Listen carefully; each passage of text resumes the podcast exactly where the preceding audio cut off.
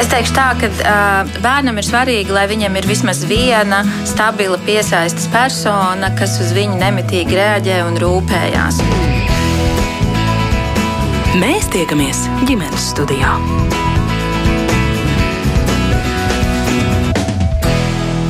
Labdien!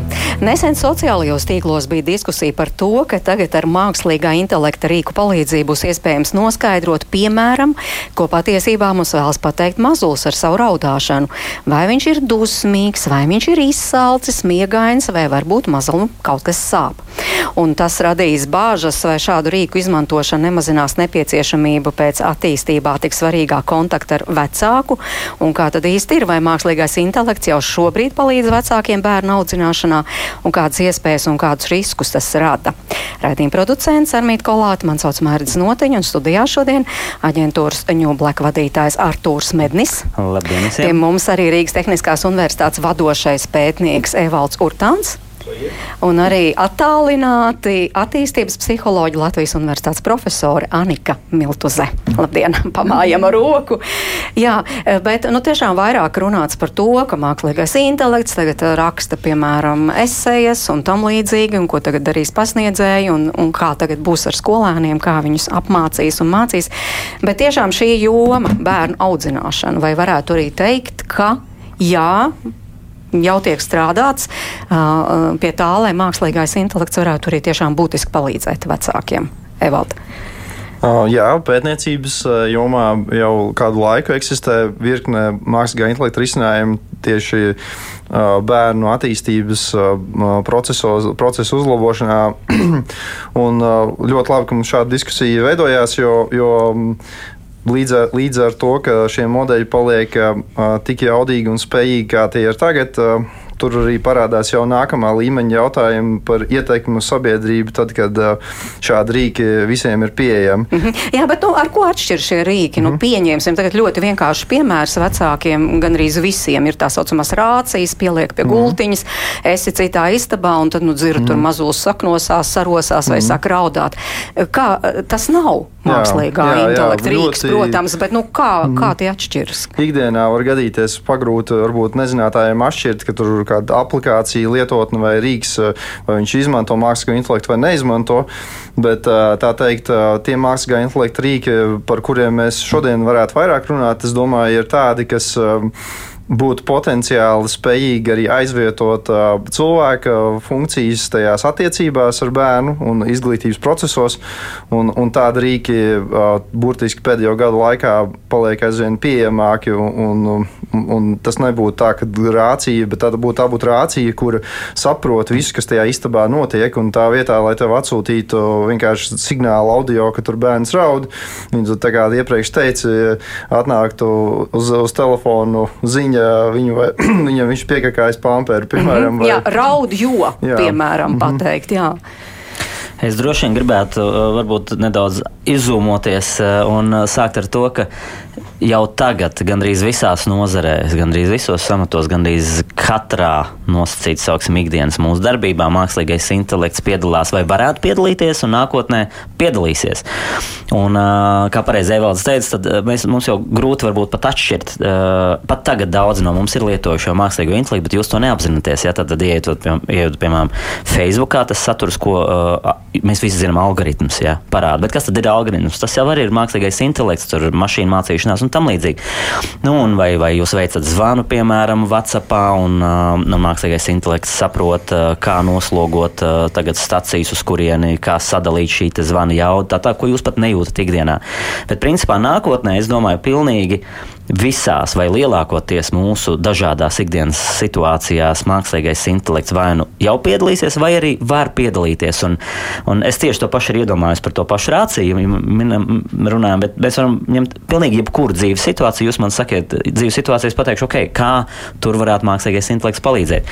Par šo pašu rāciju tieši tā, tātad eh, tajā brīdī, kad eh, šobrīd vecāks klausās vai atnāks signāls par to, ka bērns raud, tad eh, mākslīgais intelekts, piemēram, integrēts šajā šajā bērnu rācijā saprot, kurā brīdī bērns ir tikai pagrozījies, jo viņš jau ir iemācījies, mākslīgais intelekts ir iemācījies šo bērnu uzvedības patērnu, vai arī saprot, ka š, vai arī pat, pat saprot, ka bērns vēl nav sācis raudāt, bet saprot, kurā brīdī sāks bērns raudāt. Viņš saprot, ka šī grozīšanās atšķirās no citām grozīšanās ar to, ka parasti pēc trešās reizes pagriežoties tieši uz šo sānu, aptuveni pēc 36 sekundēm bērns sāk raudāt vai vēl kaut kas. Nu, es tagad jau nedaudz fantazēju, bet tas reāli ir iespējams tieši pateicoties mākslīgam intelektam, kas var šo iemācīties un, un laicīgi jau uh, informēt sabiedrību. Ja mēs skatāmies, jebkuras nozares, pilnīgi, pilnīgi jebkurās nozarēs, mākslīgais intelekts, protams, ir lai palīdzētu, un, un daudz no šīm nozarēm patiesībā arī skar mūs visus. -hmm. Jā, tātad, ja mēs runājam par uh, vecāks bērns, ja bērnu audzināšanu, bet bērnu audzināšana jau nebeidzas tikai ar spēlītēm, uh, kuras uh, mākslīgais intelekts uh, um, spēlējot ar bērnu saprot, cik bērns, piemēram, reāli reālajā laikā, spēle, spēles laikā, mākslīgais intelekts saprot, cik bērns jau labi ir iemācījies šo spēli un attiecīgi automātiski Es padara to grūtāku vai vieglāku to spēli. Es pabeigšu to domu, bet, bet tas, jau, tas jau notiek piemēram kaut vai citās nozarēs, piemēram, medicīna vai zāļu, jauno zāļu atklāšana tā tālāk. Tātad mēs reāli šeit runājam jau par bērnu veselību, kur smagi slimi bērniņi var saņemt dažus gadus ātrāk pareizās zāles. Jā, lūdzu. Jā, tikai gribēju iestarpināt, ka nereti, kurus arī stāst par mākslīgo intelektu, tad cilvēkiem vēl joprojām ir priekšstats, ka tas ir kaut kas saprogrammēts, bet tas pilnībā nav saprogrammēts. Tā ir tā iztēlojas tīra matemātika. Un, attiecīgi, mācās, jā? Jā, viņi, viņi māca matemātikas vienādojumus, kas, kas pielāgo savus koeficientus balstoties uz datiem būtībā. Un, attiecīgi, tu vari jebkurus procesus, ko cilvēks var izdarīt, viņus var uh, formalizēt tādos vienādojumos, un tur neviens nav saprogrammējis neko ko, un tad, ja tas tās domāšanas tā veids. Tā, tā neakadēmiski pa, pasakot, ja tas nozīmē, ka mākslīgais intelekts uh, nav, nu vai ChatGPT, pat ja mēs paņemsim, Jā. tā nav konkrētu zināšanu datubāze, no kurienes viņš smeļās un tad skatās, vai ir atbild uz tavu jautājumu vai nav. Uh, tā, tā ir sistēma, kas ir iemācījusies pati kā, mācīties un attīstīties un augt un pat uz tava absolūti unikālā jautājuma vai situācijas atrod uh, kaut kādu visticamāk daudz maz pareizu vai labu loģisku kaut kādu skaidrojumu vai risinājumu vai piedāvājumu, jo uh, pat ja datubāzē tas nav bijis iepriekš ierakstīts. Mm. Tā ir daudz uh, liela atšķirība arī tajā brīdī, kad es kaut kādos semināros stāstu vai runāju ar cilvēkiem, kas, kas ir pamēģinājuši tur mākslīgā intelekta kaut kādus rīkus, visbiežāk ChatGPT, nu, nav bijusi konkrēta vajadzība, tad viņi ir paspēlējušies un visbiežāk paspēlējoties viņi ir uzdevuši kaut kādu jautājumu, lai pārbaudītu, vai mākslīgais intelekts šo zina. Jo, redzējot, Google, es to varu atrast, ja, bet tad ir jāskaidro, ka mākslīgais intelekts tā nav tāda datubāze, jo tas nav gluži Google meklētājs arī. Mm -hmm. nu jā, bet atgriežoties pie šīs pašas rācijas, par ko runājām, mēs tā uzreiz tā izfantazējam, ka varētu būt šāds rīks vai tāds reāli jau eksistē šāds, pieņemsim, tāds rīks, kurš ne tikai nu, pasaka, pameklēt, ka tāds raud. ir, bet es domāju, jā. ka ja tāds nav, tad lūk ir laba biznesa ideja. Šeit un... ir ne, arī otrs aspekts ir, es pats iedošu reāli piemēru. Pirms pāris, ja jau bija pirms kādiem sešiem gadiem, es mākslīgo intelektu pētu jau desmit pusgadus attiecīgi, kad man pirma, piedzima pirmais no trim bērniem, es nopirku uzreiz vārdu skaitīšanas ierīci, kas tāds Starling saucās, kas atpazīst, cik dienā tu runā ar bērnu. Tad, ceļš, ka tu esi jauns vecāks, tad tu nesaproti, ka tas īstenībā nemaz nav tik nozīmīga lieta. Bet, attiecīgi, kas ir interesanti, ka tā ierīce vairāk neeksistē tirgu, un šādi ļoti, ļoti daudz rīku visticamāk neeksistēs tirgu. Tāpēc, jo? Kad, tāpēc, kad uh, tirgus tā nestrādā. Tie tirgus strādā tā, ka, uh, piemēram, teiksim, kāds ir ienākt tirgu un izglīto sabiedrību, un tad, kad ir pieprasījums, tad attiecīgi ir jēga taisīt produktu. Mēs varam izdomāt fantastiskus mākslīgā intelekta rīkus, bet kurus neviens nekad nepirks, un viņi vienkārši izmirs. Jā, neredzēs jēgu, bet ko tas Starlink darīs? Starlink skaitīja vārdus, cik es ar bērnu runāju dienā, à, ka viņš jau maziņš. Jā, bet kādi tie secinājumi, jūsu secinājumi? Tā, tā, ko jūs secinājāt? Tā, man viņi nevajag, jo attiecīgi, un tas ir tā kā jauniem vecākiem līdzīgi, es domāju, arī tāpat par tiem atpazīt tur, ko, ko bērni bērns raudot, saka, tur ir tādas visādas auditorijas, un attiecīgi ir kaut kāda konkrēta produktu grupa, uz ko viņi tēmē uz jauniem vecākiem, kas nekad nav pieredze bērniem, bet uh, ir labāki rīki arī, kas ir tādi nopietnāki, ne tikai šādi. Mēs parunāsim. Kā piemērs, tas bija jā. labs, es domāju, jebkurā gadījumā. Jā, mēs parunāsim noteikti arī par šiem rīkiem, kuri jau eksistē, bet gribu arī Aniku iesaistīt sarunā. Pagaidām klausoties, jūs tā ar prieku klausāties, ka arī šajā jomā notiek tā teikt teikt, revolūcija, vai tomēr arī ar zināmām bažām? Nu, nē, es klausos ar milzīgu interesi, jo uh, tas, ko es sadzirdu, ka ir runa par dažādām iespējām, rīkiem, kā vecākiem būt labākiem vecākiem. Uh, kā vecāki varētu labāk, veiksmīgāk, kompetentāk reaģēt uz savu bērnu vajadzībām. Un, nu, es sadzirdu, ka ir runa vienkārši par varbūt es tā novienkāršoju, bet par palīgiem bērnu pieskatīšanā, audzināšanā un aprūpē. Jā, par tiem palīgiem, starp citu, arī ģimenes studija pirms raidījuma sagatavoja mājas darbu, mēģināja atrast, kādi tad šie palīgi ir, un varbūt daži tādi piemēri, BNQ tāds, nu, vismaz no apraksts secināms, tas ir tāds robots rotaļlieta, kas atbild uz bērnu jautājumiem precīzi, vienkāršiem vārdiem un izmantot arī emocijas zīmes. Un tātad, nu, bērnam ir tāds robots draugs un uh, var sarunāties, un ne tikai, ta, un, un ne tikai tas, tas, ka bērns kā, nu, domāts labāk attīstās, bet arī vecāki var precīzāk sekot, kā norit bērna attīstība. Vai arī tāds. Vēl eksistē arī tāds mikro AI, AI, kas ir tieši tā kā precīzi, kā jūs aprakstījāt, arī vēl viens risinājums. Turpat viņa mājaslapā liek iekšā viens no solījumiem ir bez stresa bērnu audzināšana. Uh, tur arī ir šis tas, ko es varu pakomentēt. Tur... jā, jā, lūdzu. Okay, nē, jā. Nē, nu, mans tas komentārs ir vairāk tādā aspektā, ka viss, ko mēs līdz šim sākumā runājām, bija um, tāda rīka, kas palīdz tev būt labākam vecākam, bet tur ir tāda šaura robeža, kurā brīdī uh, tas rīks var nokļūt tādā līmenī, kā jūs tur esat redzējuši, ka bērniem grūti viņus pieskatīt, iedot telefonu, skatīties multeni, un, un tad viņi varbūt pat degradējas. Šeit ir, man liekas, liekas, tur ir, mēs esam tādā brīdī, kur diezgan tuvu tam, lai, lai, lai vecāki varētu tie, tieši tā morāli izlemt, cik daudz šādus rīkus izmanto. Jo, var iztēloties, ka arī var atrast video viegli, kur šādus robotus, kas, kuriem iekšā ir tāda paša valodas modeļa kā ChatGPT, ar kuriem tu vari sarunāties tā, ka tu nevari atpazīt, ka tas ir cilvēks, ka tas nav cilvēks, vienkārši nav fiziski iespējams to atpazīt. Un tas bērns, iedomājieties, varbūt to psihologi varēs labāk izskaidrot, kas ar viņa psihi notiek, ka viņš komunicē ar robotu, ka viņš domā, ka tas ir reāli dzīva būtne, un kas pēc tam viņš, viņš spēja, piemēram, reāli arī monitorēt to bērnu un pasaukt vecāku tad, kad vajag kaut kur iesaistīties, uz spēles, dot spēlēt ar viņu, dejot, tur lasīt grāmatas, un mm -hmm. tas mhm. viss ir iespējams tagad. Un tas vēl bija pirms, pirms nezinu, 50 gadiem, bija zinātniskā fantastika Azimovas grāmatās, Izaks Azimovs, kur viņš tieši šādas situācijas izspēlē. Viņš jau īstenībā ir arī reāls filozofs, un tur ir ļoti labi izspēlēts šīs visas situācijas, var paskaidrot vairāk, bet nu, tad, šeit, šeit rodās diezgan nopietns jautājums arī, jo varam to izmantot kā rīku, visam kā pasaku sekas ģenerēt vakarā, re, kur tu arī varēsi iekomentēt mm -hmm. savu pieredzi, bet tad var arī viņu izmantot kā aizstājēju savu, savu sevis vietā, un to reāli tā var izdarīt. Jā. Tas, tas pats jau, ja mēs paskatāmies uz planšetēm un telefoniem, jau pieminētiem, ja, tad uh, pati planšete. Nu, ja neskaita to, ka lietojot entās stundas dienā, varbūt nav pārāk labi redzēt, bet principā pati planšeta pa sevi jau pat par sevi kā tāda ierīce nav ne laba, ne slikta. Jā. Tad jautājums, kā mēs to izmantojam un vai mēs e, kontrolējam, ko tas bērns tur skatās, cik ilgi viņš skatās, vai tas saturs ir izglītojošs vai atvainojos, bet nu, degradējošs arī tā var būt. Jā. Un ir at, attiecīgas multens, kas degradē un attiecīgas, kas savukārt droši vien izglīto un palīdz.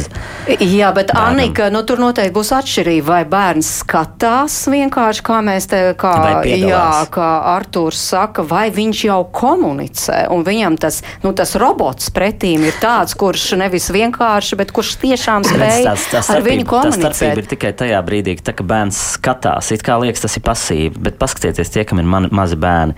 Tad, kad bērns skatās, uh, un, uh, ja ir labs scenārijs, ja ir laba multeni vai pat filma, ja, vai, vai nu, raidījums, tad tas raidījums saprot, saprot, ka nepietiek jau tikai uh, rādīt mm, vienvirzienu šo te, saka, komunikāciju. Ja?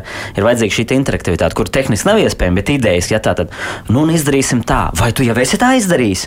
Un paskatieties, tie bērni, viņi ļoti bieži jau atbild. Viņi saka, jā, vai viņi saka vārdiņus līdzi un tam līdzīgi. Tikai tā starpība ir tāda, ka tajā brīdī tas saturs neuztver vēl to atbildi un nespēja pielāgoties. Uz ko mēs ejam, visticamāk, nākotnē, un jau tagad tādas, tas, mēs to redzam spēļu jomā, kad bērns ir drusku vecāks un spēlīt spēlē, kad mākslīgā, mākslīgais intelekts palīdz jau šīm, šīm ierīcēm, šiem te. Tā atceramies vēl vienu lietu arī. Interakcija kaut kāda. Tas pats tāds, tā, tāds risinājums, tas mikro AI Bet tie risinājumi ar tādiem valodas modeļiem pirmkārt ne tikai rada ilūziju, ka tu nevari atšķirt, ka tas nav dzīve būtne. Viņi uzvar Turinga tests pilnīgi visus, un attiecīgi viņi arī var atcerēties visu, ko tas bērns ir stāstījis. Tas ir ļoti labs rīks, piemēram, arī veciem ļaudīm. Arī jautājums, cik tas ir ētisks, tāpat kā pie bērniem. Kur, un, un tas nav tā tāds rīks, kur viņš būtībā var aizvietot cilvēku tajā situācijā, un tas vairāk ir tāds filozofiski un ētisks jautājums jautājums. Mm, Vai vajag? Jā? jā, ko mēs ar to darām? Mm -hmm. Restīvi, ir gan plusi, gan mīnus. Tā jā. jāsaka. Anika. Kur tad tā atšķirība tiešām mēs ierunājamies? Planšete vai, piemēram, šāds robots, kurš jau spēj sarunāties, atbildēt? Jā, man, man ir ļoti daudz ko teikt par šo visu. Uh, jo nu, pirmām kārtām ir jāsaprot, kā strādā bērnu smadzenes. Uh, un uh, it sevišķi domājot par maziem bērniem, uh, agrīnais posms uh, ir ļoti svarīgs uh, neironu savienojumu veidošanās laiks. Uh, un uh, pirmajos dzīves gados notiek ļoti, ļoti strauja tā saucamā sinaptoģenēze, kad veidojās mūsu neironu tīklojums, ar kuru mēs dzīvosim tālāk visu mūžu. Un šis neironu tīklojums galvenokārt veidojās pieredzes rezultātā. Un agrīnā vecumā ir ārkārtīgi svarīgi, lai bērnam būtu daudzveidīga pieredze. Un eh, tikko mēs runājam par, par planšetēm, par ekrāniem, eh, jā, tas ir viens veids, kā mēs varam dabūt pieredzi vizuālā veidā vai audiālā veidā, bet mazam bērnam tāpatās viņam vajag darboties, viņam vajag iebāzt mutē, viņam vajag eh, izjust dažādas emocijas, Eh, ķermenisko kontaktu ar vecākiem, viņam vajag rāpot, aptaustīt lietas. Nu, respektīvi, tā, tā visa pieredze, ko ikdienā mazs bērns iegūst, neviens, nu, es gribētu teikt, ne ekrāns, ne arī robots to nespēja bērnam nodrošināt. Uh, un, uh, protams, klausoties šos visus rīkus, uh, man visu laiku ir prātā doma, bet vecāki sanāk lētāk. Nu, tā tad dzīvi cilvēki, kas, kas ar savu ķermenisko kontaktu, klātbūtni, sarunāšanos, tas ir, man liekas, daudz lētāks veids, kā mēs varam sasniegt vienkārši fantastiski labu rezultātu. Nezinu.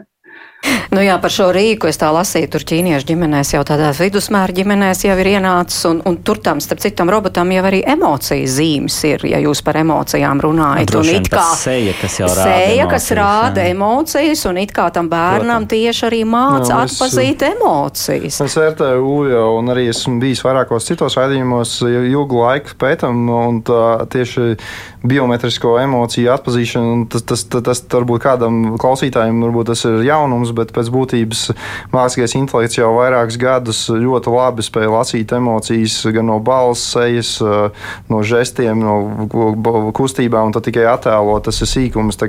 Liekas, ka tā ir kaut kāda unikāla cilvēka īpašība, bet īstenībā tā nemaz nav unikāla cilvēkam īpašība. To visu saliekot kopā.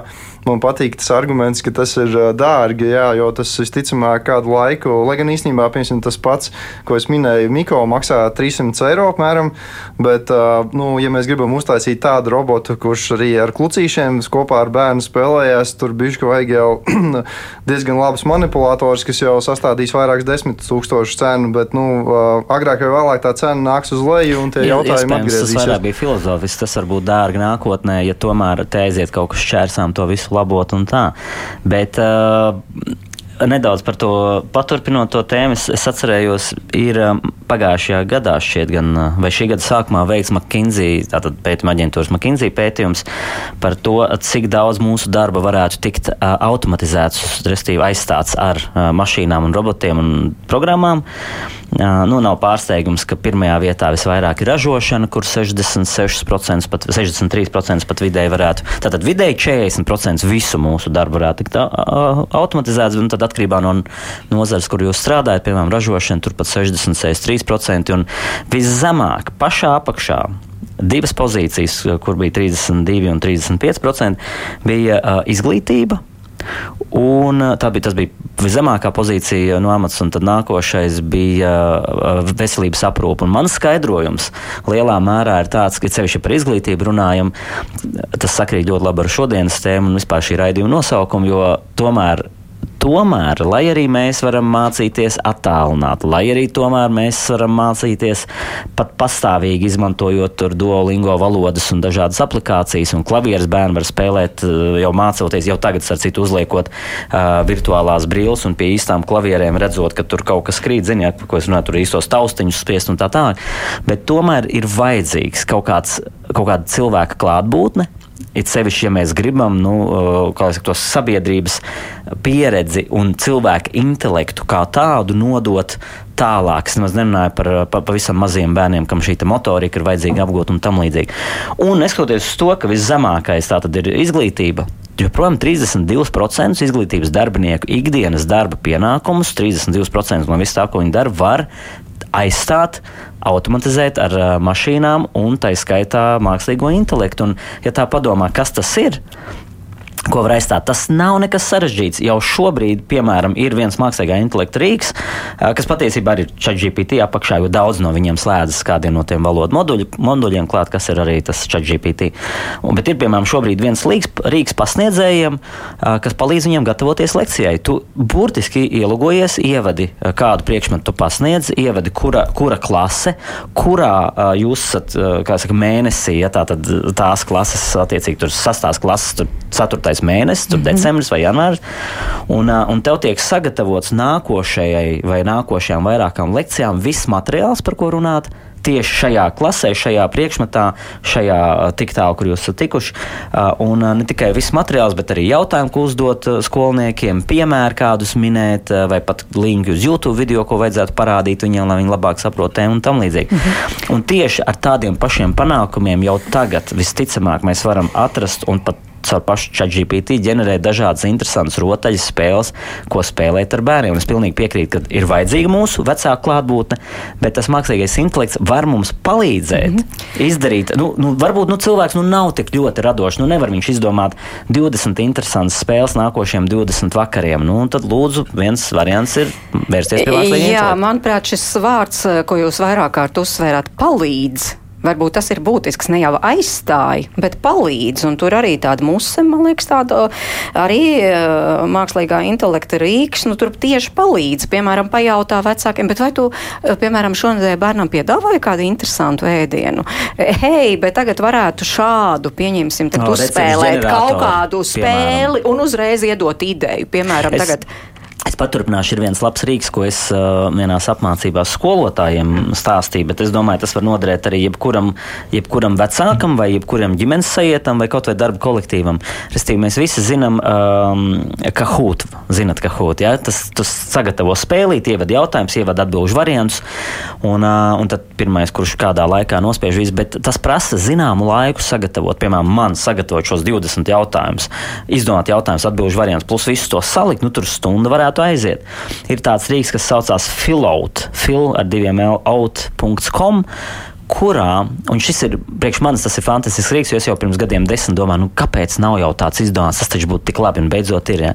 Tātad filaut.com, uh, tu paņem konkrētu uh, kaut kādu tekstu, kaut vai no Wikipēdijas, vai, vai no jebkurienes internetā, paņem nu, kaut kādu teksta blāķi, iedod šim rīksam te, teksta blāķi, šis rīks izlasa un saprot par ko šeit rakstīts, un tikai balsoties uz šī, šiem faktiem, visu to, ko mēs darījām manupā, manuāli, domājām jautājumus un atbildžu variantus, no kuriem viens ir pareizais un nepareizais, un plus visu to taisījām vēl, šis rīks automātiski uztaisa.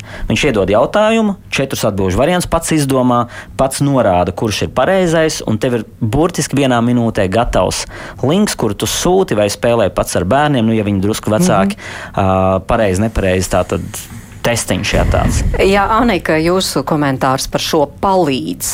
Kā saglabāt to līdzsvaru, kad palīdz, nevis aizstāja jau kaut kādā ziņā? Vai, vai te nav arī kaut kāda bīstamība? Nē, nu, tas, ko es sadzirdu, ir runa uh, tiešām par tādiem konkrētiem rīkiem un konkrētiem risinājumiem. Uh, tādās noteiktās situācijās. Bet uh, klausoties, man visu laiku ir jādomā par to, ka bērns jau nemācās tikai nu, tā kā konkrētā brīdī viņš mācās, esot ģimenē kopā ar vecākiem, nu, tā kā nepārtraukti. Un tad, nu, jā, klausoties kungus, es mēģināju iztēloties, nu, kā varētu, piemēram, nu, piemēram, mācīt bērnam empātiju, kā varētu mācīt sociālo kompetenci, problēmu risināšanas spējas.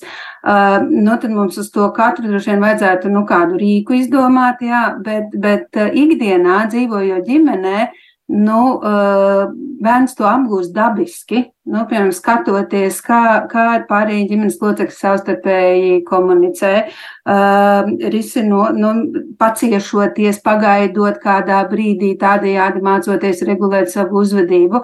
Nu, respektīvi, uh, man liekas, būtu ļoti, es neko daudz nezinu par mākslīgo intelektu, uh, man visu vēl priekšā to apgūt, uh, bet man šķiet ir diezgan grūti, nu, tā diferencēti uh, to katru noteikto prasmi iedzīvināt un apjaust, ka tagad mēs mācīsim mācīsim to, tagad mēs mācīsim šo un atbalstīsim šo.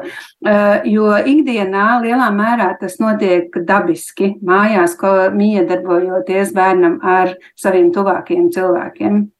Nu jā, bet vēl tāda piebilde no tā izgatavotāja puses, ka, piemēram, ļoti labi bērniem ar īpašām maivadzībām šie rīki var palīdzēt. Nu, pieņemsim, bērniem ar autismu, kur ir, kur atkārtojas viens un tas pats jautājums, viens un tas pats jautājums un vajadzīga atbilde, nu, ka kaut kādā ziņā tas varētu būt palīdzoši. Šeit šeit ap citu tā precīzi ar tieši to empātiju un autismus un viegli atrast pētījums afektīvai, jā, un arī mūsu pētījumi ir, ir, ir tieši mūsu pētījumi nebija uz autismu, bet efektīvā jā, ir uz autismu. Ir, pirms pāris gadiem viņi arī uztaisīja iekārtas, ar kurām um, bērn, bērnam palīdzēja noteikt emocijas citā cilvēkā, un tas bērnam tā ir problēma. Un, Un viņš, viņš viņam rādīja, ka šis cilvēks pašlaik ir priecīgs, bēdīgs un, un tā tālāk. Un, kas bija interesanti, ka pēc tam, kad noņēma šo ierīci no stūra, tiem sakojot pētījumā, tiem bērniem saglabājās tā spēja, kas bija liels sasniegums. Kas ir interesanti, ka šāda, nestoties tas, kas notika pāris gadus atpakaļ, šāds produkts vēl joprojām neeksistē un tirgu ir grūti pārdot tādu. Bet, bet vispār tehniski tas ir iespējams izdarīt. Un šeit arī tas par to cilvēcisko faktoru ir atslēga. Man ļoti patīk daži komentāri, uh, saistībā gan ar to cenu, gan ar to ģimeni. Un, un ar, jo, jo Jo šeit, šeit ir cita pasaule, arī paralēli eksistē, kas ir tā, kad, kas, kur ir uzskats, ka mākslīgais intelekts varētu būt kā, teiksim, pēdiņais nākamais solis uh, evolūcijā cilvēku. Un, ja, un iedomājieties, uh, nu, kā, ka varbūt nākotnē nemaz nav vajadzīgi cilvēki uz pasaules un dzīvo tikai mākslīgā intelekta roboti, kas īstenībā nav, nav, nu, ja tā saprot to visu tehnoloģiju, nemaz nav pārāk tālu no, no iespējamībām, kas varētu notikt. Un, bet, nu, tad, ja saglabā tās pamatvērtības, un ja ir vispār kaut kādas pamatvērtības, tad varbūt tas ir viens no veidiem, kā novērst to, ka tas rīks nevis rīks, kā tu izmanto, bet tu iedod bērnam, lai tas ir aizvietota. Jo man liekas, tur sākās tas jautājums, vai nu tu viņu izmanto kā rīku, vai tu iedod. Jo, piemēram, ja tu iedod tagad, kas reāli tā notiek, ja tu iedos tagad ChatGPT iemācīt iemācīs kaut kādam septītklasniekam, tad, attiecīgi, kas jau tagad notiek vidusskolās, viņi iet uzdevumu punktu LV, jebkuru uzdevumu to iemest iekšā, viņš mm. iedod visus pa solītēm, viņi vienkārši par, par roku pārraksta kladē to, ko ChatGPT iedod. Tā kā mājas darbu, ja kāds klausās skolotājs, neuzdodiet vairāk mājas darbus, ir tikai pavisam maziem bērniem, kam nav pieeja šiem rīkiem. Mm -hmm. Pat ar roku uzrakstīto nu, jau uzdevumu vai tekstu nofotografē caur telefonu, ieliec ChatGPT un viss lieliski saprot. Bet tas, ko Anika teica, manuprāt, ir īstenībā diezgan svarīgi un būtiski. Un es tikai papildināšu vienu, vienu niansu, jo mēs šobrīd vairāk runājam nu, par tādiem risinājumiem, tur kaut kādiem robotiem tieši nu, bērniem. Jā, bet, bet mēs arī tagad domājam jā. šodien tiešām vairāk jā, jā, par bērniem. Es, es to arī turpināšu. Mēs par bērniem domājam, bet turpinot to, ko Anika teica, patiesībā es redzu, ka mēs šeit uh, paskatāmies ne jau tikai uz bērniem, paskatāmies uz vecākiem, kuri pateicoties, uh, nu tātad tas, tas, ko jūs Anika teicāt, ja, nu, tas, kā es to sapratu, ja, tas ir daudz plašāk un mums kā vecākiem ir jāzina īstenībā daudz dažādas lietas. Ja, pastāvīgi jāsaprot, ko bērns vēlas, kā bērns vēlas, kādas ir bērna vajadzības. Bet a, ko darīt cilvēkam? Nu, man kā arī tā skaitā vecākam, kam ir divi ļoti mazi bērni, uh, kas nezina visas šīs lietas. Es esmu gājis kaut kādos kursos, tur, uh, kur es daļu, protams, jau esmu aizmirsis. Protams, ka mākslīgais intelekts var palīdzēt arī mums vecākiem. Un atkal, jau ir un nākotnē būs vairāk mākslīgā intelekta dažādi rīki, kas ir lejupielādējumi kā aplikācijas, kur aplikācijā tev ir tavs virtuālais terapeits, bet tikpat labi, nu es tagad fantazēju, bet ja es meklētu, noteikti atrast kaut kas līdzīgs arī ir vai būs. Tikpat labi tu lejupielādē aplikāciju, kas ir uh, virtuālais tavs asistents bērnu audzināšanā, kur tiešām nu, tu netiec galā, tu nesaproti, nu, kā, kā ar tagad, ko darīt, tu uzraksti, uh, ko man darīt. Bērns tur krīt gar zemes, sit ar kājām un saka, ka viņš tur uh, neies, nezinu, tur sākot uz dārza, nu, tādas elementāras lietas, tagad saka, uz dārziņu, piemēram. Ja? Un, un tad uh, varbūt tas Rīgas piedāvā jau risinājumu. Un nevis piedāvā, varbūt, bet tiešām viņš ChatGPT jau tagad to var izdarīt. Tātad mēs jau tagad to varam izdarīt, ja mēs mākam ieiet ChatGPT un noformulēt šo jautājumu. Mēs jau varam komentārs, tā, tā viņu nevajag izmantot. Bet, bet, nu, var, bet es domāju, nu, ka var un, un Rīki, Rīki to varēs izdarīt. Tur ir pāris lietas, jā. Jā, es atgādinu mūsu klausītājiem, tātad šodien aģentūras New Black vadītājs Artūrs Mednis, Rīgas Tehniskās universitātes vadošais pētnieks Evalds Urtāns un attīstības psiholoģija arī Latvijas universitātes profesora Anika Miltuse ir ģimenes studijā runājam par mākslīgo intelektu un bērniem. Kā, nu, kā tas varētu ietekmēt bērnus, ja vecāki uh, izmanto šo mākslīgo intelektu nu, kā palīdzošu viņu audzināšanā un pieskatīšanā. Un es atgriežos pie piemēra, ar kuru es uh, sāku šo raidījumu. Tātad Liena ierakstīja sociālajos tīklos, un viņa rakstīja tā, izrādās, ka ir aplikācija, kas ar mākslīgā intelekta palīdzību iztulko bēbīša raudāšanu. Es atgriežos pie šā, tātad vai dusmīgs, izsalts, miegains vai sāp. Un Liena raksta, nu te gan es sajūtos kā veca īņa, jo man šķiet, ka to vajag vecākiem pašiem iemācīties, mm. jo tas ir pirmais kontakts ar bērnu un kāpēc gan to uzticēt mākslīgajam intelektam. Un tur tādas atbildes, piemēram, izskan, ka Es uztveru, ka šo var izmantot izmisusi mamma, kurai tas bēbis raud un raud, un ja nu viņai vairs nav padomu, ko darīt, vai arī vēl viena mamma raksta, ka nu, tas gan ir super, ja, teiksim, var netērēt enerģiju, un uzreiz tev mākslīgais intelekts pats pasaka, bēbītim kaut kas sāp. Protams, vēl, vēl svarīgi, paskatīsimies atkal uz to nedaudz plašāk, vēl svarīgi mākslīgais intelekts, pat nav svarīgi, vai jūs izmantosiet vai nē, iespēja, ka mākslīgais intelekts pēc audio skaņas var noteikt šai brīdī, kā jūtas tavs mazulis. Ja. Bērns jau nav tikai tad, kad tas ir mazulis. Bērns ir bērns tev, tev visu mūžu. Mēs runājam droši vien par laiku no mazulis līdz tīneģera vecumam. Tad jebkurā no šiem vecumiem mākslīgais intelekts spēja palīdzēt, spēja noteikt. Piemēram, jau tagad Uh, ir mākslīgā intelekta rīks, kas nav plaši pieejams, bet tā jau zinātniski un eksperimentāli un tā tālāk izmēģināts, kas spēj tikai pēc runas paterna noteikt, vai ir risks vai klātbūtne, piemēram, autismu slimībai vai kaut kādām, kaut kādām citām. Uh, cits man nāk prātā, piemēram, uh, ir mākslīgā intelekta rīks, kas trīs gadus ātrāk pirms parādās uh, simptoms, spēj noteikt uh, vai noprognozēt, ka tev būs vēzis tas droši vien ne par bērniem, vairs jau par, par citu vecumu. Varam, varam uz brītiņu atgriezties. Man liekas, svarīgi ir pieminēt šādu lietu. Tu minēji, ChatGPT var, piemēram, arī tagad jau prasīt padomus audzināšanā. To var tehniski izdarīt. Problēma ir sekojoša. Un tā ir, varbūt daudz īstenībā to neapzinās. Tātad viens ir ChatGPT un visu valodas modeļi. Īstenībā viņi nav orākli. Viņi ir kā jā, improvizācijas teātris. Nozīmē to, ja tu viņam iedod. Balstoties uz Nē, to datiem. Jā, datiem jā, bet tas ir dati tieši tā, tu pareizi saki. Ja tu ieliec tajā vaicājumā, ne jau jautājums ir svarīgs, tur ir, tur ir svarīgs konteksts. Ja tu ieliec iekšā, piemēram, grāmatas nodaļu konkrētā garumā, jo viņš nevar daudz paņemt, un tad nodefinē jautājumu, tad viņš tev iedos ļoti labu atbildi padomu, bet ja tu neieliec, ja tu ieraksti vienkārši jā. jautājumu, tad viņš tev iedos īstenībā ļoti neprecīzu atbildi. Plus vēl otra lieta ir, otra lieta ir ka uh, tur ir tehniskais iemesls, kāpēc tas notiek, ir tāpēc, ka tas modelis, lai viņu apmācītu, maksā 10 miljonu dolāru, un, ja, un viņš neizmanto visu pasaules informāciju. Tur kāds, tas tāds arī ir mīts, ka viņš izmanto visu internetu informāciju. Viņš izmanto tādu kokteili, kur ir salikta informācija, katrs tas izstrādātājs modeļi saliek, kas ir 10% no Wikipēdijas, 10% no Twitter un tā tālāk. Un, nav, un tad, attiecīgi, no tā kokteļa izveidojās kaut kāds konkrēts uh, atbilžu variantu kopa. Nu, attiecīgi, var iztēloties, ka mm, piemēram, tādiem botiem ļoti bīstami būtu jautāt filozofiskus jautājumus vai morāls jautājumus. Vai... Tad, ja viņi nav trenēti tieši viņiem, viņiem var piemēram, piešķirt, ielikt šādas datu kopus un, un arī pēc, pēc tam pievienot tādas datu kopus, bet uh, tas tikai tāds komentārs, ka cilvēks aiziet un chat GPT un sāk viņu izmantot kā savu konsultantu vai kaut ko tamlīdzīgu, tas ir ārkārtīgi bīstami īstenībā. Mm -hmm. Jā, un te vēl tās bažas klāt, ka tas kaut kā mazina to pašu vecāku kompetenci, iesaistu un uzticēšanos sev. Jā, Anika. Jā, man ir viens komentārs, jo es, es klausījos jūsos, un uh, pirmā doma, tas būtu fantastiski, sevišķi jaunajiem vecākiem, ja būtu šāds rīks, kas man palīdzētu labāk saprast manu bērnu. Uh, jo uh, tiešām ar tām zināšanām, ar to prasmu iztulkot raudāšanu, nu, tas nenotiek instinktīvi. Cilvēkiem, nu, par vecākiem arī ir jāpiedzimst, uh, un, un vienam tas nāk vieglāk, un otram tas nāk grūtāk, un droši vien tad, kad jau ir trešais bērns, nu, tad jau tu tā kā jau intuitīvāk saproti lietas, bet ar pirmo bērnu tiešām ir reāli grūti, bet man liekas, kas ir vēl viena problēma, ko es te saskatu, ka nav jau tā informācija, ko ielikt, jo katrs bērns ir individuāls. Katram bērnam ir savs nu, bioloģiski noteiktais temperaments, ar kuru viņš piedzimst. Un, nu, tas prasa laiku, kā man kā vecākam iepazīt savu bērnu.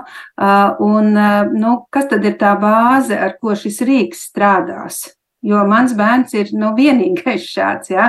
Protams, ka var būt milzīga datubāze, varbūt nu, es tādu fantazēju par to bērnu raudāšanu, ja?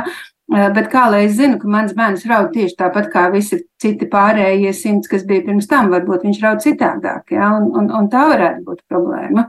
Mm -hmm. nu, kaut kādā ziņā jau tomēr psiholoģija balstās uz to, es, kā vairums vai ne reaģē. Tieši to, tieši to gribēju nedaudz arī šeit teikt, un varbūt pat dokumentēt, nedaudz atbildēt arī, un, un, un daļai arī tas paturpinot to, ko Evalds arī teica.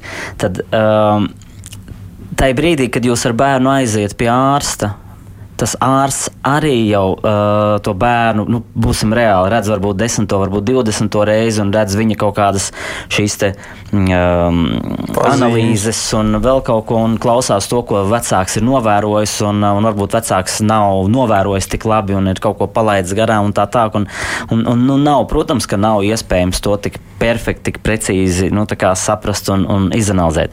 Taču pasīsimies no otras puses, paturpināšu to, ko Evalds teica, vai nedaudz populārāk vai vienkāršākiem vārdiem pateikšu. Tātad, ja mēs paņemtu tagad uh, attīstības psiholoģijas top 100 pasaules labākās grāmatas, šīs visas grāmatas ieskanētu, nu, ne burtiski ieskanētu, bet tekstu, paņemtu visu rakstīto tekstu un uztrenētu kādu no šiem rīkiem. Kaut vai vēlreiz, kaut vai to pašu ChatGPT, vienu no tiem chatiem, kas ir ChatGPT vai aplikācija un tā tālāk.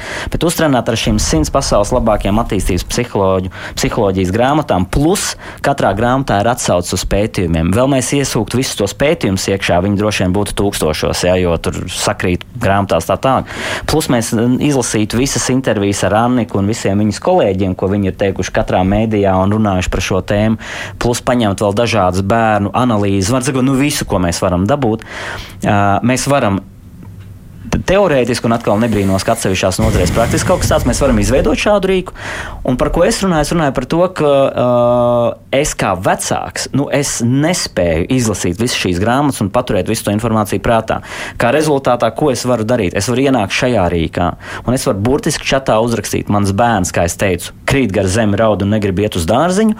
Uzreiz, ko dara šis rīks, sekundēs saprot šo situāciju, balstoties uz visām šīm grāmatām un uzdod papildus jautājumus. Nevis varbūt uzreiz uh, met ārā kaut kādas atbildes, un es arī tupi iešu un darīšu tā. Nē, varbūt uzdot desmit papildus jautājumus, tu atbildi uz tiem šis, jautājumiem. Šis būtu spēc, specializēts uh, valodas modeļa rīks, un tieši tādus kā uztaisīt arī pašlaik var, un nav grūti uztaisīt, un pat nevajag apmācīt bieži tādus.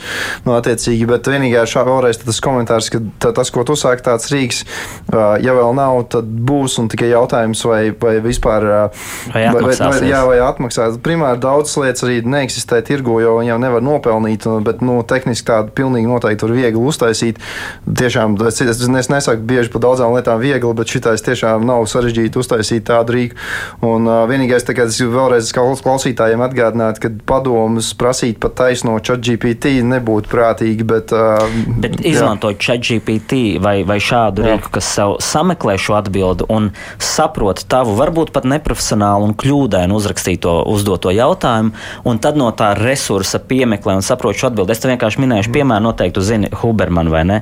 Andrew Hubermanu visi, nu, ne visi, es domāju, daudz klausītāji arī zina un skatās viņa podkāstus. Viņam ir ap 200 podkāstiem, 2 stundu garumā katrs. Viņš stāsta par smadzeņu darbību, par atmiņu, par, par fizisko veselību, par to, kā labāk dzīvot un, un, un veselīgāk. Tā tā. Tad, tad reāls tāds, kāds paņēma visus šos viņa podkāstus, kas ir audio formāts, YouTube vai, vai Spotify un tam līdzīgi, šo audio formātu pārvērta tekstā un izveidoja datubāzi, kur ir pieslēgta tur, kādam no mākslīgā intelekta rīkiem, viņa gadījumā konkrēti chat GPT. Bet ko dara tagad šis rīks? Šis rīks tātad paņem visu šo milzīgo informāciju. Un tad, kad tu ienāc attiecīgajā mājaslapā, piemēram, tev kāds ir teicis, zini, pietiek tikai ar četrām stundām gulēt. Tad vienkārši burtiski čatā saka, es dzirdēju, ka pietiek ar četrām stundām miega diennaktī, vai ar to, vai, vai ar to ar gan. Un šis virtuālais Hubermans, virtuālais, viņš ir uh, profesors, zinātnieks, uh, daudz Amerikas augstskolu pasniedzējs. Un šis savs, uh, viņa profesionālais avatārs saka, Nē, nav tiesa. Patiesībā vajag vismaz tik un tik. Par to es runāju šajās 16 uh, podkāstos, bet konkrēti šajā vienā 36 mm. sekundēs tieši runāju, tieši atbildu šo jautājumu, piemēram. Nu jā, nu te mēs redzam tiešām, cik ļoti šis viss attīstās, bet Anika, vai ir kaut kur jūs novelkat to stop līniju, par ko nē, piemēram, kāds sociālo tieklu lietotājs saka, nevarētu ļaut bērnus barot un mierināt. Nu, to gan nevajadzētu ļaut. To vajadzētu atstāt vecākiem. Par citiem rīkiem ir ok. Uh, barot un mierināt, uh, nu, restīvi robotiņam, kurš baro un mierina. Nu jā, nu tādu rīku, piemēram, kādu robotiņu izstrādāt, jā, kurš varbūt paņem mazulu un pašūpo un pamierina, padzied dziesmiņas vai kaut ko tam līdzīgu. Jā, nu, būsim godīgi, ļoti daudz vecāki izmanto tās pašas planšetes un mobilos telefonus kā mierinātājus saviem bērniem. Uh, Uh, jā, bet uh, es domāju, es druskuļi vispārināšu, ka, protams, es domāju, neviens rīks nevar aizstāt nu, tādu tiešām fizisko kontaktu un, un pasēdēšanu vecākam klēpī un samīļošanos un, un tādu uh, šo sociālo emocionālo tuvību, kas veidojas starp vecāku un bērnu un visi šie piesaistas lietas. Um, Es, es nedodu ne pieci, gan jau varētu arī nu, kādu, kādu rīku aplikāciju, robotiņu arī pielāgot šim modelim, bet es atkārtošos, nu, kāpēc, kāpēc jā, mēģināt tehnoloģizēt to, kas vecākiem sanāk dabiski un, un, un jā, vai tas iegūms beigās būtu tāds, nu, uz ko mēs varbūt ceram, nezinu.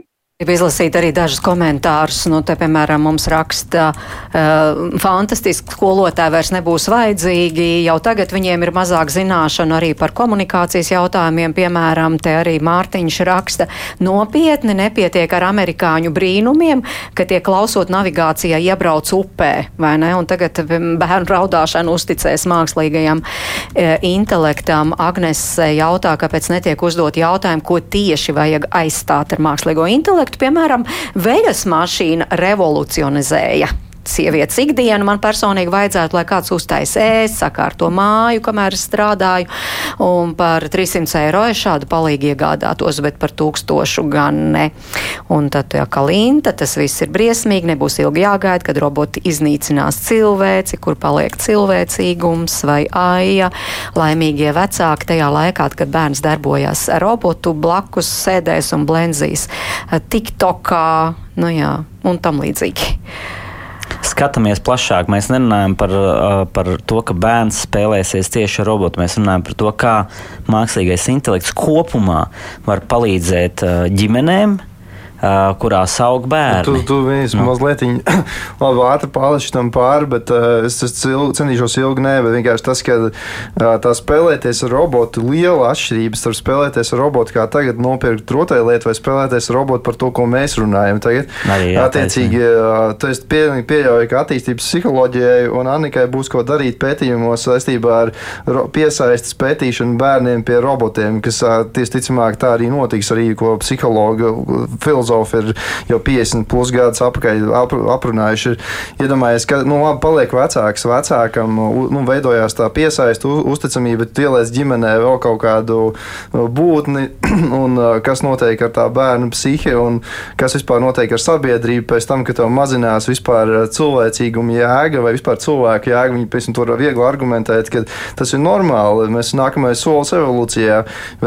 Mākslīgā intelekta būtnes ir labāks nekā cilvēku būtnes. Priekš kā mums vispār vajag, varbūt beigās mēs paliekam vienkārši zoodārzā. Nu, tas ir īstenībā, un to, to var ielikt ne jau tikai uz bērniem. Ja mēs sācam uz nākamām lietām, to arī, piemēram, kāpēc kā man vajadzīgi ir, ir vispār dzemdēt, dzemdēt bērnus, priekš kā man vajadzīgs ir atrast savu dzīves biedru. Nu, es, varu, es varu dabūt savu Leli. tā, jā, kas, kas, ir, kas, kas spēs visu runāt, komunicēt, interesants, arī pastrīdēties, ik pa laikam visu varēs simulēt. Un tad vienā brīdī atapties, kad nu, būtībā mēs esam otrās klases būtnes uz pasaules, un, un tas tā var notikt teorētiski. Mm -hmm. Un šeit ir tas vērtību sistēma un pamats, uz kā mēs pašlaik uh, skatāmies. Jo, nu, tas, tas, tas ir līdzīgi, ka to telefonā tu vari atrast tās labās lietas, priekš tās audzināšanas, vai tu iedod, kā reku visi zina, bērnam telefonu, un viņš ir ļoti destruktīvs, bet šis ir reizes desmit destruktīvāks par telefonu. Mm. Jā, nu, bet tas viss ļoti strauji attīstās, un mēs vairāk runājam par to pasaules pieredzi. Vai mēs šobrīd jau runājam arī par Latvijas pieredzi? Tātad tas viss notiek arī Latvijā. Ne tikai mūsu zinātnieki palīdz mm. to attīstīt, bet faktiski arī ģimenes jau patērē. Vai ir Jā, kāda nu, informācija teiksim, par šo? Vidusskolēniem jau noteikti, varbūt pat ātrāk, ir visi jau ir savā starpā apzinājuši, ka eksistē šie rīki. Nu, attiecīgi, nu, tas jau ir ienācis viņu ikdienā, un tikai, tikai, tikai viņi nav pašlaik vēl noformēti ar fizisko, pies, fizisko piesitienu, bet to noformēt galīgi nav sarežģīti. Tikai jāatrod veids, kā nopārdot, un to var vecākiem nopārdot. Bet vai vecāki jau ir atraduši, ka šādi var, piemēram, pieskatīt bērnus? Nezinu, neviens visi tikai šausminās, vai arī, ka tad bērni vēl vairāk paz, pa, pazaudēs to spēju komunicēt savā starpā un tam līdzīgi. Bet es vai viņi tos rīks, rīks jau nepārdos tā, ka viņi pazaudē, viņi jau tā arī nepārdod, jo ja iekšā mājaslapā tam tur rīkam miko.cē, viņš, viņš jau pro, pro, tavs bērns nopirks šo rīku bērnam, viņš būs daudz gudrāks nekā cita, ātrāk attīstīsies, viņš labāk komunicēs, to nebūs viņš jāpieskata, viņš ar bērnu spēlēsies, viņš viņam lasīs grāmatas, viņš viņam izdomās spēles viņam, un, attiecīgi, un viņš visu to varēs arī darīt latviešu valodā. Gribēju nav... jautāt, vai latviešu valodā? Jā, jā latviešu valoda nav vairs problēma. Ir, lielie valodas modeļi, paši lielākie, labi strādā latviešu valodā. Un, attiecīgi, nu, teiksim tā, bet nu, saprotiet to virzienu, domu gājienu, kad, kad tas ir, tas ir tāds, tā, tāds rīks, kurš var viens šajā galā, kā mēs runājam, pie vecāka, vai tajā brīdī, kad tu iedod bērnam un tu vienkārši samaksā naudu un sev deleģē nu, tādā veidā. Kur tad ir tas zelta vidusceļš? Kā jūs redzat, kādam tam būtu jābūt? Man liekas, ka vērtības sistēma šeit ir uh, pamatā būtībā, nu, un tas ir arī kaut kas, kas iztrūkst. Man liekas, mūsdienu sabiedrībā ir, ja, ja tu tikai skaties uz visu bez nekādām uh, tādām globālām, cauri laikiem esošām vērtībām, tad tu vari viegli pozicionēt to, ka uh, sakojam līdzi digitālajai evolūcijai. Un, Un, un mums nav vajadzīgs nekas no tā visa, ko, ko būtībā Annika mums te saka, jo, jo tu vari to pakāpeniski automatizēt. Tas būtu mans tāds ieskats. Artur? Mans, mans redzējums, eh, es jau iesāku par to, ka es to redzu, ka tas ir nedaudz plašāk. Tātad tas nav tikai eh, runa par robotu, kas, eh, kas aizstās, nu, es te nedaudz pārspīlēšu, bet robots, kas aizstās planšeti vai vecāku vai, vai rotaļlietas vai lego vai vēl kaut kādas lietas, kas būs noteikti tās ģimenēs, būs, un, un es nebrīnos, ka tur Ķīna un Japāna būs priekšā, varbūt izmantošana ziņā vairāk nekā mēs. Un vienkārši par to Miko parunājot, tur runa jau nav par to, ka tas ir vienkārši robots, ar kuru tu spēlējies kā robots, un viņš brauc māju un kaut ko runā. Viņam ir rokas, viņš var tevi spēlēt dambret vai šahu, vai pat var iemācīt tev šahu, ko es cilvēks nemāku spēlēt šahu, nekad nevarētu iemācīt savam bērnam, piemēram. Ja? Bet es, runājot par plašāk, es vairāk šeit biju domājis. Um, to, ka uh, mākslīgais intelekts ienāks vispār mūsu ģimenēs, mūsu, uh, mūsu ikdienā, tātad, un tas attiek, attiecās uz visām nozarēm. Tā ir pārtika, tā ir medikamenti, tas ir uh, nu, jebkāda, nezinu, gaisa kvalitāte, nu, es, es pat, nu, mhm. jebkas principā, un, un mākslīgais intelekts palīdzēs mums šīs daudzas lietas izdarīt efektīvāk, kvalitīvāk. Tā tā, es nerunāju, ka mākslīgais intelekts ir kā, kā tāda datorspēle, kuru tu iedod bērnam un atkarties no viņa, lai tu varētu strādāt. Patiesībā par darbu runājot, mākslīgais intelekts, un es tam absolūti ticu, vienkārši mēs cilvēki esam drusku dīvaini, ja, bet es aptuveni ticu, ka mākslīgais intelekts, kā jebkura tehnoloģija, ir domāta, lai mēs to darbu, ko mēs darām šajā laikā, varētu izdarīt īsākā laikā ātrāk, un labāk un kvalitatīvāk, un mums atbrīvojas diezgan daudz laika. Un, un To pašu izdarīja internets, to pašu ir izdarījis eh, vispār elektrība kā tāda vai industriālā revolūcija 18. gadsimtā. Tad mums atbrīvojas daudz vairāk brīvā laika, kuru mēs varam veltīt kam? ģimenei, sportam, hobijiem, bērniem beigu, beigās, un, un vai bērnu taisīšanai kaut vai. Vienkārši, kā es teicu, mēs cilvēki esam drusku dīvaini, un mēs to mega laiku, kas mums ir atbrīvojies, piepildām ar ko? Ar to pašu darbu arī piepildām beigās. Tieši tā, jā, laiks mums it kā ir vairāk, bet nu, joprojām visi vecāki saka, nav laika, nav no, laika. Jā, nekas Anika, nav mainījies. Zelta vidusceļš, mākslīgais intelekts un uh, bērnu audzināšana, izglītošana. Nu, viennozīmīgi no sirds gribētos, lai mākslīgais intelekts ir kā palīgs uh, vecākiem, tiešām būt labiem vecākiem un, un spējīgiem, kompetentiem vecākiem, kas var saviem bērniem dot maksimāli daudz tieši ar mākslīgā intelekta palīdzību un noteikti nekā aizstājies. Paldies par šo sarunu. Es saku studijas viesiem Artūram Mednim, Evaldam Urtānam un Anikai Miltuzē. Tiešām mīļi paldies, ka atradāt laiku. Atnācāt šeit uz ģimenes studiju. Paldies. Raidījuma producenti Sarmīta Kolāte, Mārtiņš Paiglis un Toms Šits rūpējās par šī raidījuma labskaņu. Es mērķis notiņu bija studijā. Mēs tiekamies rīt, rīt 5 minūtes pār diviem. Runāsim par vardarbības apkarošanu Latvijas skolās, kā samērot visu tiesības uz drošību un veselību. Par to tad rīt tiekamies tiekamies un paldies, ka klausījāties. Visu labu!